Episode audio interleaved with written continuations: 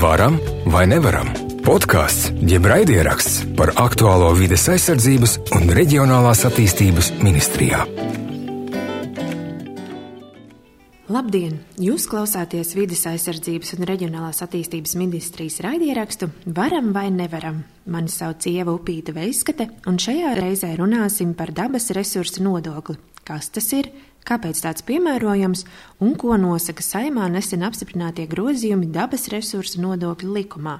Atbildes uz šiem un citiem jautājumiem mums šodien sniegs mūsu sarunas viesa Rudīte Vesere, kura šobrīd arī pašlaik pilda valsts sekretāra vietnieku vidas aizsardzības jautājumos pienākumus un arī vada vidas aizsardzības departamentu. Labdien, Rudīte!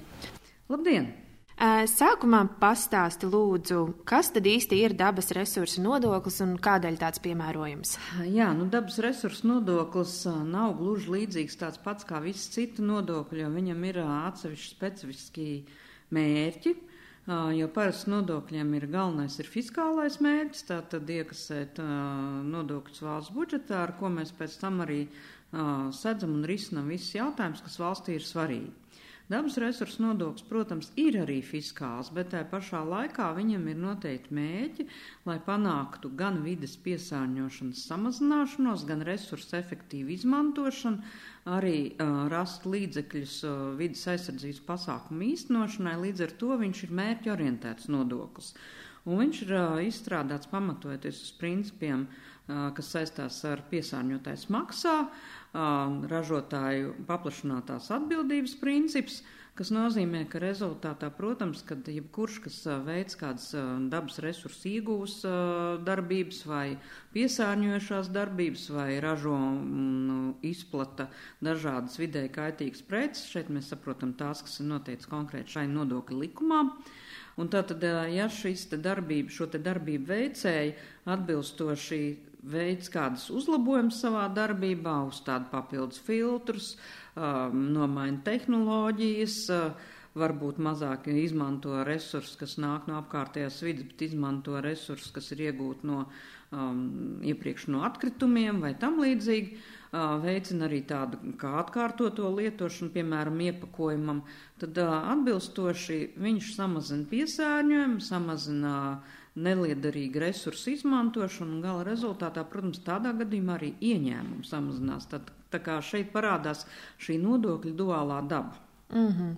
Un, jā, es palasīju, ka dabas resursu nodoklis Latvijā ir jau kopš 1991. gada, tātad nu jau gandrīz 32 gadi. Un kā jau mēs noskaidrojam, tas skar dažādas jomas, bet var arī īsi uzskaitīt, uz ko tad, tad dabas resursu nodoklis attiecas. Jā, nu, ja mēs sākam no paša sākuma, tad tas bija tikai vidas piesārņošana, dabas resursu iegūta, tad zemes dzīves resursu ieguva, ūdeņu ieguva.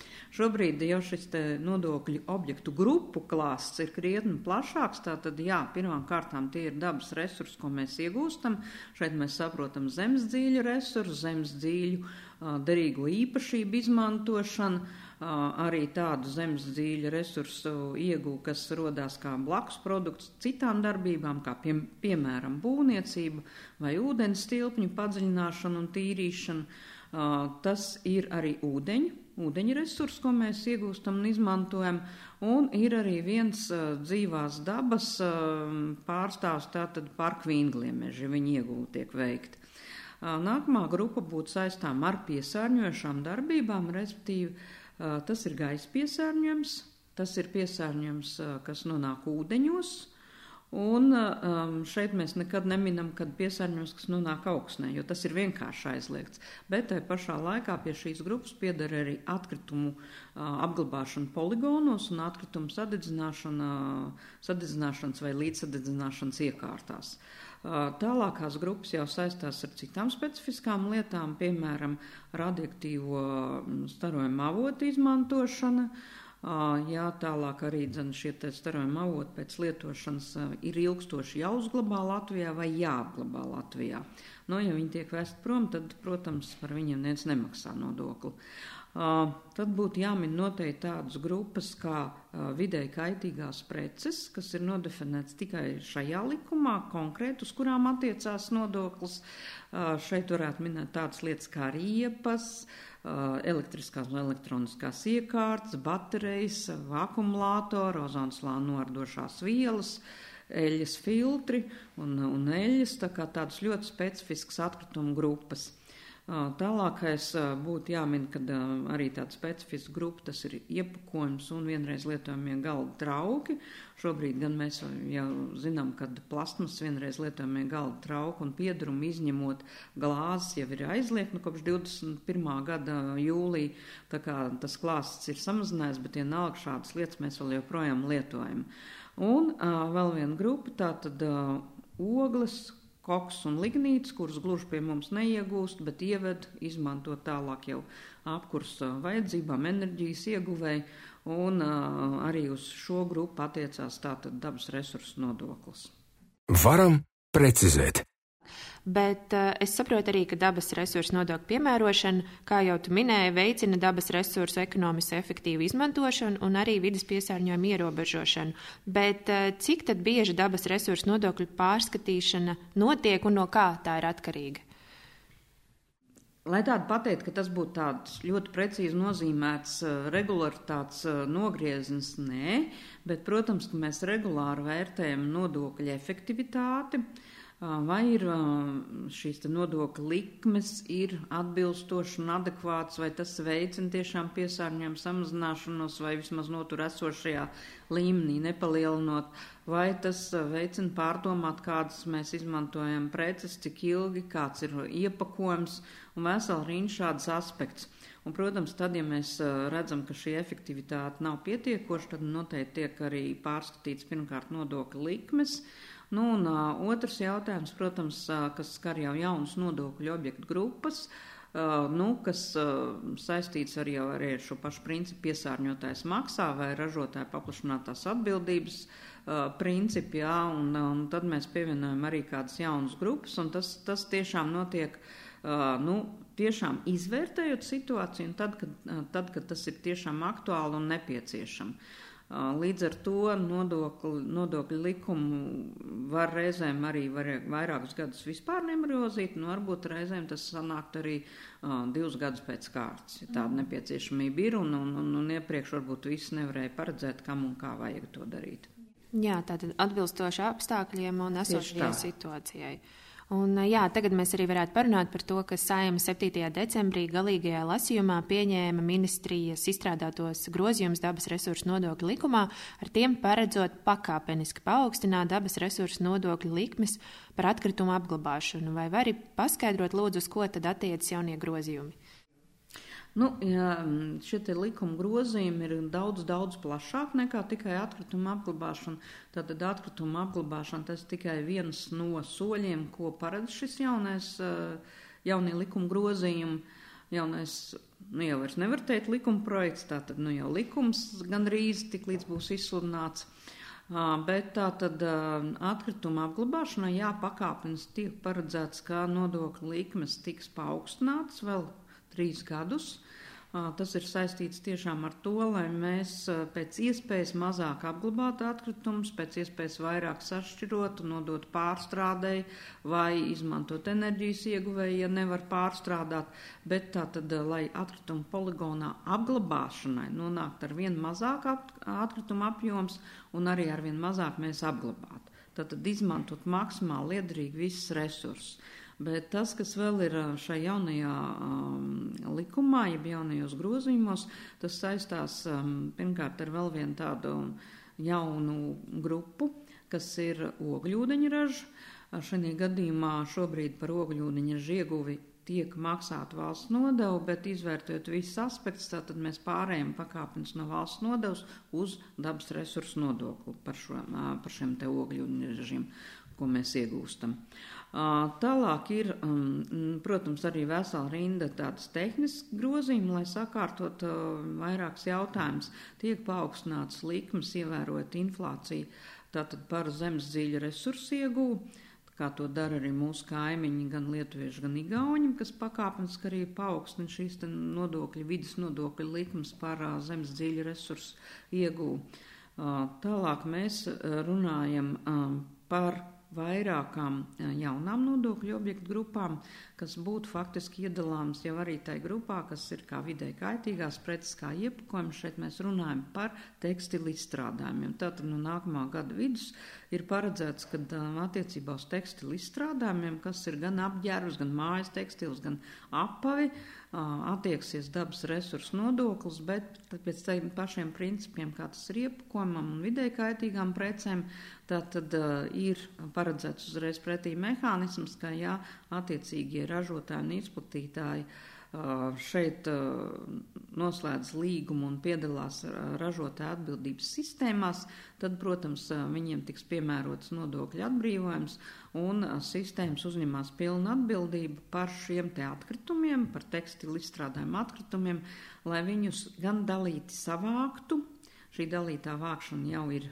uzsākta jau vairākus gadus atpakaļ, sākotnēji pilotprojektu veidā.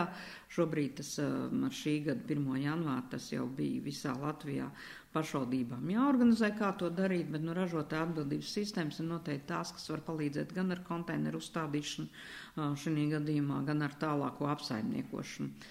Tātad parādās šī jauna grupa, un ir vēl viena grupa, ar ko varbūt bija vislielākā rezonance, bet absolūti nepamatot. Tas attiecās uz plasmas saturošiem vienreiz lietojamiem izstrādājumiem.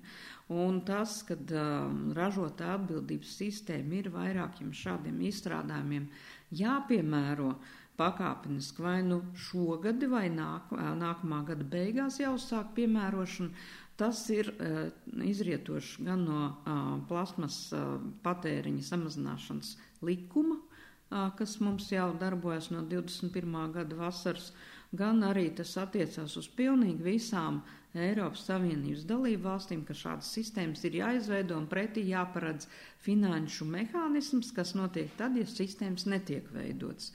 Tātad šai grupā ietilpst Pirmkārt, cigarešu filtru un filtru, ko lietot kopā ar cigaretēm. Tātad uz, šo grupu attiecās ražotāja atbildības sistēmas jau no šī gada 5. janvāra. Tad savukārt nākamā grupa, kurai piemēros arī šo ražotāju atbildības sistēmu principu, tas ir mitrās salvetes, kas ir domāts māju patēriņam un, un, un, un ceļojumiem. ceļojumiem un tā tālāk. Tie ir baloni, Un uh, tie ir zvejas tīkli, kas satur plasmas uh, sastāvdaļas. Tātad uz tiem attiecās uh, ražotāja atbildības sistēmas no uh, 2025. gada, varētu teikt, nu, būtu jāsaka precīzi, tad nākamā gada 31. decembris, bet, nu, tā tad loģiski mēs skatāmies ar, ar, ar 25. gada 1. janvāri. Un šī gadījumā tad, pienākums izveidot sistēmas, kā jau minēja, izriet no cita likuma, un pretī šeit nodoklis tiek izmantots pēc analoģijas, kā tas ir daudzām citām lietām, jau par kurām mēs jau runājam šodien, paredzot to, ka ja uzņēmējs neiesaistās ražotāja atbildības sistēmā, nepiedalās sistēmā, tikai tādā gadījumā viņš maksā nodokli.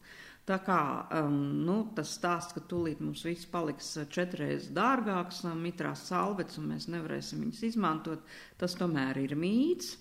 Un uh, šajā gadījumā mēs runājam par to, ka tā ir tāda kā uh, nodoklis pie nosacījuma, kad ja kaut kas netiek darīts, tad tikai ir pienākums viņu maksāt. Un no otras puses, nu, ja mēs tā ļoti padomājam, nu, uh, um, ir jāsaprot, ka mēs daudzreiz nenovērtējam, kur ir šī mikroplasmas, kur ir plasmas daļiņas iekšā, un tad mums liekas, kāpēc mēs nevaram to vai citas lietas lietot, un, un tas taču viss kaut kur sadalīsies, nebūt, nē. Mitrās salvets arī ir tās, kas satura mikroplasmas daļiņas, tā kā varbūt arī aizdomāsimies no šī aspekta, vai mums vajag vienmēr visur tieši tās lietot, jo Viņas jau faktiski būtu vairāk lietojams tiešām ceļojumos, kur vajag ātri un efektīvi to izmantot. Pārējos gadījumos jau būtu pašam katram pašam jāizvērtē. Jā, un uh, pastāst lūdzu tā ražotāja atbildības sistēma, ko tu bieži piemini, uh, ko tā ietver un kā tas uh, palīdz dabas resursu nodokļa kontekstā.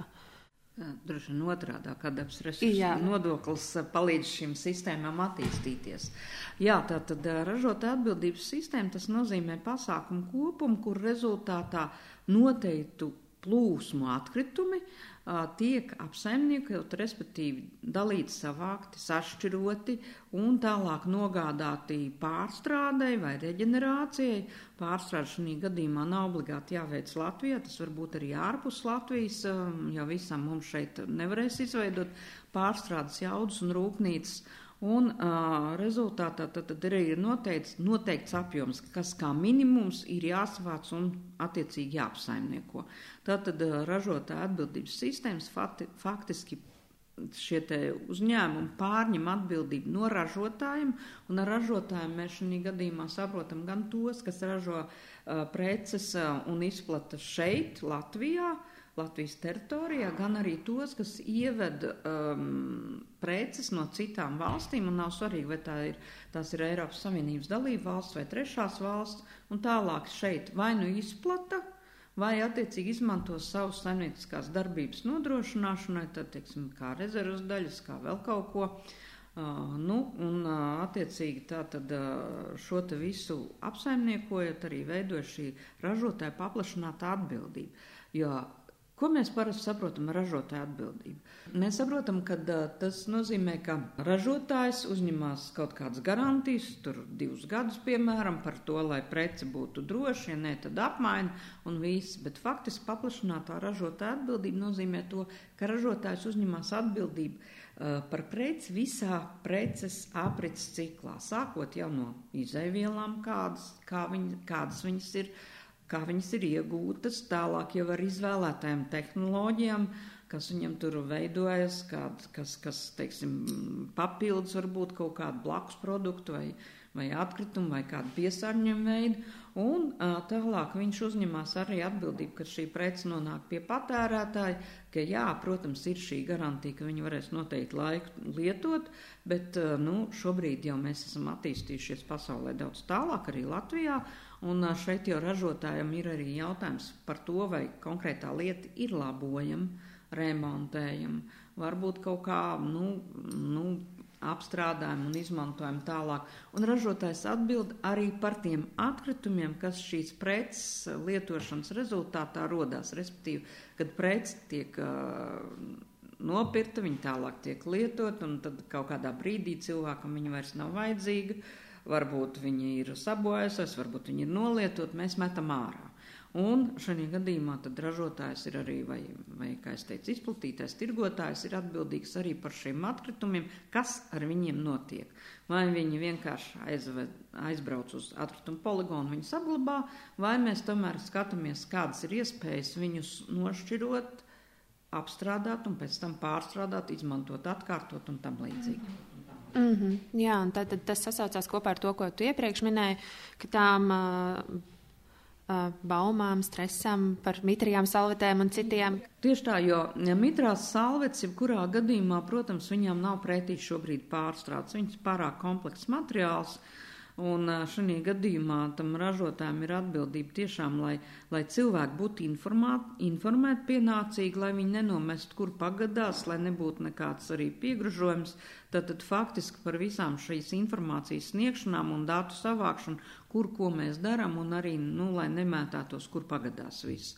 Tas nozīmē, ka, nu, tā, protams, mitrās salvetes, cigarešu filtri, baloni, tās ir tādas specifiskākas grupas, tur nav šie pārstrādes mēķi noteikti, jo viņas šobrīd pārstrādāt nav iespējams. Bet uh, tas ir pienācīgi daudz, lai mēs tomēr padomātu par savām izvēlēm. Mm, tādā veidā mēs varam izvēlēties dzīvot vidē draudzīgāk, izvēlēties lietas, kas mazāku kaitīgumu droši vien rada arī mums un pašai videi. Bet uh, tad uh, pastāst arī lūdzu, uh, tikko jau mēs sākām runāt, tad gandrīz jau mūsu katru ikdienas izvēle palīdz arī vairāk vai mazāk vidas aizsardzībai un arī dabas resursu nodoklim, jo mazāk mēs lietosim lietas, kuras, nezinu, nevar pārstrādāt vai satur vairāk plasmas, jo arī labāk būs visiem pārējiem. Nu, tieši tā, jo uh, faktiski viss jau ir atkarīgs ko, ko saka, tirgus piedāvājums, tirgus pieprasījums. Un tas viss ir atkarīgs no tā, ko un kā mēs izvēlamies un kā mēs pēc tam lietojam. Vai mēs nopērkam um, lietas, kas ir vienreiz lietojams ātri un, un ļoti steidzam izlietojam un metam ārā, un, un, un pēc tam saprotam, ka mēs viņus pat esam lietojuši varbūt dažas minūtes, ja, un kaut kam vienam, un pēc tam mums viņas nav vajadzīgas, un mēs izmetam ārā, un faktiski viņas nav pat pārstrādājums. Viņas pat ir jāsavāc, nevelti tās, tā, tādā veidā m, mm, tika aizliegt arī um, saucamie ausu kociņi, ausu tīrāmie kociņi, uh, uh, kas ir no plasmas ražot, jā, jo uh, visi šie te um, kociņi, ko diemžēl cilvēki ar mēdz arī iemest kanalizācijā un noraut ūdeni, viņi, protams, ka iziet arī cauri attīrīšanas iekārtām, pēc tam nonāk caur upēm uz jūru, tad veidojas šis jūras piesārņojums, un, protams, tas, kas nogrimst jūras dibenā, kur dzīvo planktons un tā tālāk, nu, uh, tur, protams, plastmas nesadalīsies nekā, viņi varbūt sabirzīs mikroplasmasā, un tas būs viss, un tad pēc tam to lieto planktons, pēc tam zivs, un varības ķēdi, rezultātā šī plasmas nonāk mūsu organismā. Un tas jau šobrīd ir arī pierādīts, ka visos piecos kontinentos ir apstiprināts, ka mūsu asinīs, mūsu, mūsu plaušās un mūsu, mūsu urīnā ir plasmas klātbūtne. Pat ir diezgan precīzi pateikts, kas vairāk prevalē. Bet vai mums vajag būt organismā ar plasmas? Nu, diez vai daba mūs tā nav iekārtojusi. Jā, droši, droši vien ka mēs katrs labprāt nebūtu daļa no šī lielā aprits cikla ar plasmas un mikroplasmas. Bet um, runājot par dabas resursu nodokli, tad tās izmaiņas, par ko mēs runājām, uz sabiedrību, tad tās tik ļoti neatieksies uz cilvēkiem, ja tas ražotājs vai izplatītājs atrodas tajā ražotāja atbildības sistēmā, tad mūsu ikdienā praktiski nekas nemainās. Nu, praktis nē, bet uh, varbūt vairāk liks aizdomāties. Ja? Jo, jebkurā gadījumā, nu, tā tad uh, par šādiem atkritumiem mēs viņus metam ārā, mēs jau par to maksājam kā par, par atkritumiem, kur ir jāapsaimnieko. Nu jā, tieši tā.